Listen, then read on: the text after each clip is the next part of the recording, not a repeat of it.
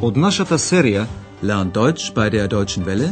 Учете германски со Дојче Веле, чујте ја серијата Deutsch, warum nicht? Германски зошто не?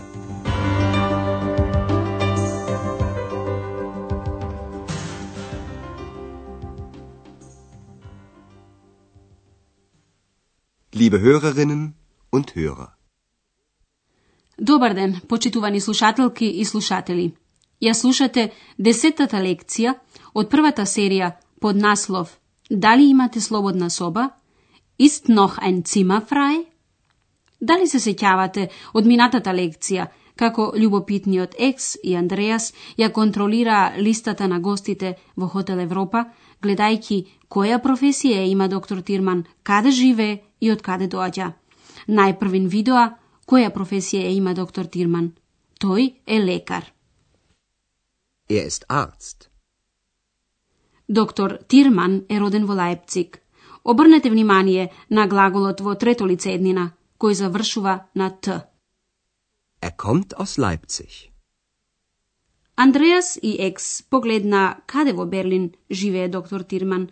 Обрнете внимание дека машкиот род се заменува со личната заменка тој, ер. Er wohnt in Berlin. Ноќ е. Андреас се наоѓа на рецепцијата на Хотел Европа. Мирно е и Андреас има време да заврши некои административни работи. Екс почнува да го боде Андреас со прашања. Екс прашува дали Андреас е среќен, глюклих. Ваша задача е да откриете како реагира Андреас и што одговара.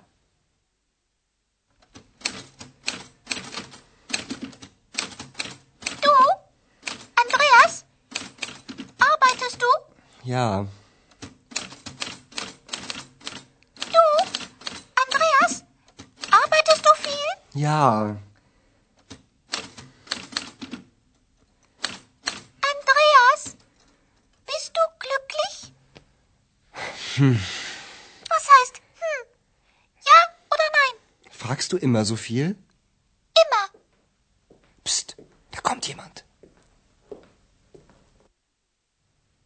На прашањата на Екс, Андреас нешто мрмори пред себе и го прашува Екс дали тој секогаш толку многу прашува. Екс го прашува Андреас дали многу фил работи. Du, Andreas? Arbeitest du viel? Веднаш потоа Екс го прашува Андреас. Ти, Андреас, дали си среќен? Du, Andreas? Bist du glücklich? Бидејќи Андреас не знае како да одговори, дали со да или не, тој мрмори пред себе со м. Екс на тоа прашува, што значи м, да или не? Was heißt hm? Ja oder nein? На Андреас му е доволно и самиот го прашува екс со глаголот прашува, фраген и со воопштувањето секој пат има. Прашуваш ли секој пат толку многу? Fragst du immer so viel? Екс немаше никакви проблеми да му одговори на Андреас. Да, секој пат. Меѓусебното прашување ке продолжеше и натаму ако некој, jemand, не влезеше во хотелот. Psst, da kommt jemand. Отворајќи ја вратата, прагот на хотелот динамично го пречекорува еден помлад човек. Се упатува директно кон двајцата на рецепцијата, меѓутоа може да го види само Андреас. Гостинот најпрвин прашува дали има слободна соба, цима. Андреас го прашува гостинот дали сака двокреветна, допелцима или еднокреветна, ајнцелцима. Ваша задача е да откриете за што се решава гостинот.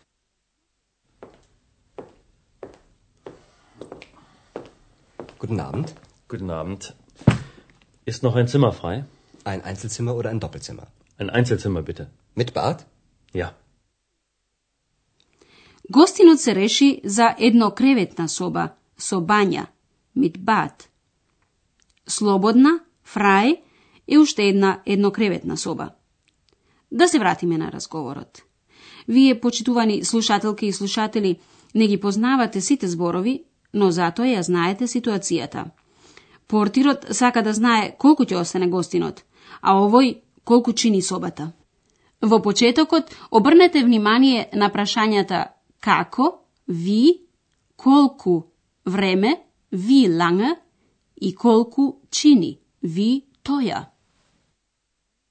Wie lange bleiben Sie? Zwei oder drei Tage. Okay. Zimmer 10 ist noch frei. Wie teuer ist das Zimmer? 120 Mark. Mit Frühstück. Прашањето што му го постави Андреас на гостинот е колку ќе останете? Wie lange bleiben Sie? За цената гостинот праша колку чини собата? Wie teuer ist das Zimmer?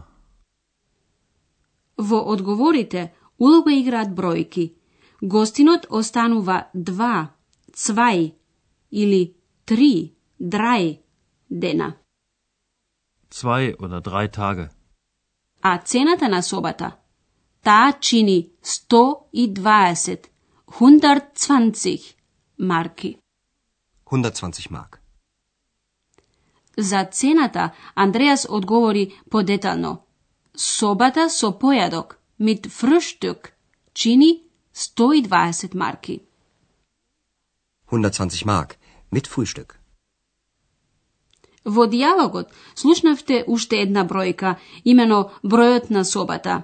Тој е 10, 10. Собата број 10 е се уште слободна. Zimmer 10 ist noch frei. Чујте го уште еднаш овој дел на разговорот. Обрнете внимание на поимите денови, таге и марка, марк. Wie lange bleiben Sie? Zwei oder drei Tage. Okay. Zimmer 10 ist noch frei. Wie teuer ist das Zimmer?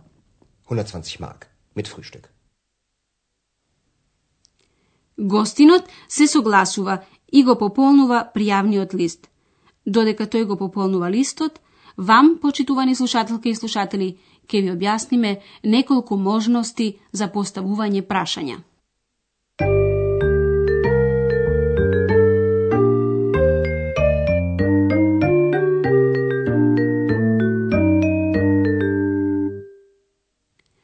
Екс му постави многу прашања на Андреас. Одговорот е да или не. Тоа прашање чујте го уште еднаш. Bist du glücklich? Ja oder nein? На прашањата на кои се одговара со да или не, глаголот е на прво место во реченицата. Ist noch ein Zimmer frei?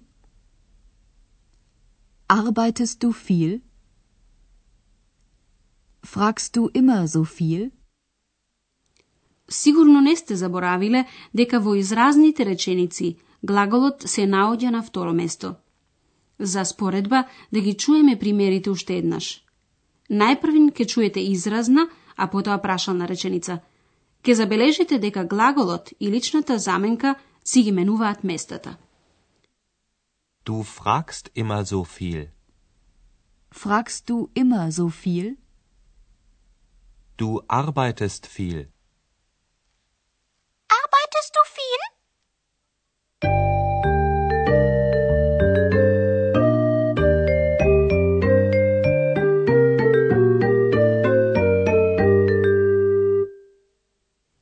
Гостинот во меѓувреме го пополни пријавниот лист. Андреас му го предава клучот од собата, шлюсел, и му пожелува добра ноќ. Чујте го разговорот уште еднаш.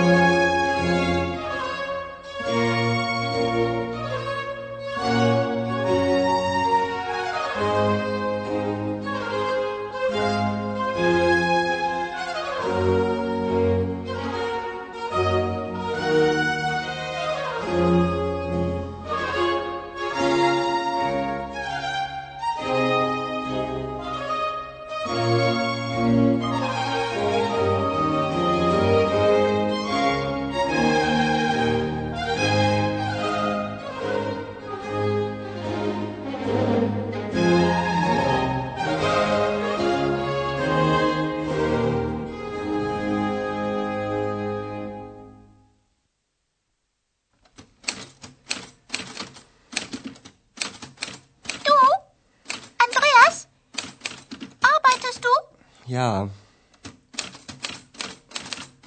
Du, Andreas, arbeitest du viel? ja. Andreas, bist du glücklich? Was heißt hm? Ja oder nein? Fragst du immer so viel?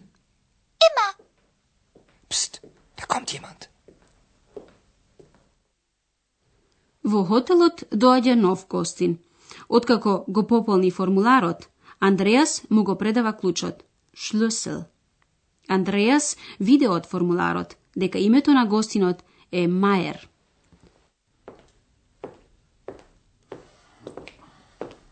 Guten Abend. Guten Abend. Ist noch ein Zimmer frei?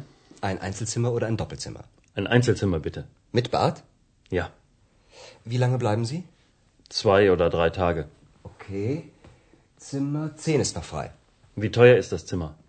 120 Mark. Mit Frühstück. Gut. Ihr Schlüssel.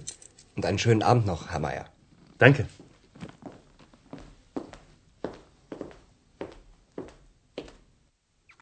Нешто подоцна, Андреас и Екс слушаат тонови од флејта од собата на гостинот.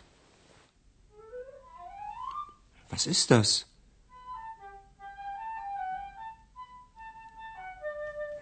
Ah, wie schön. Ruhe. Ruhe bitte.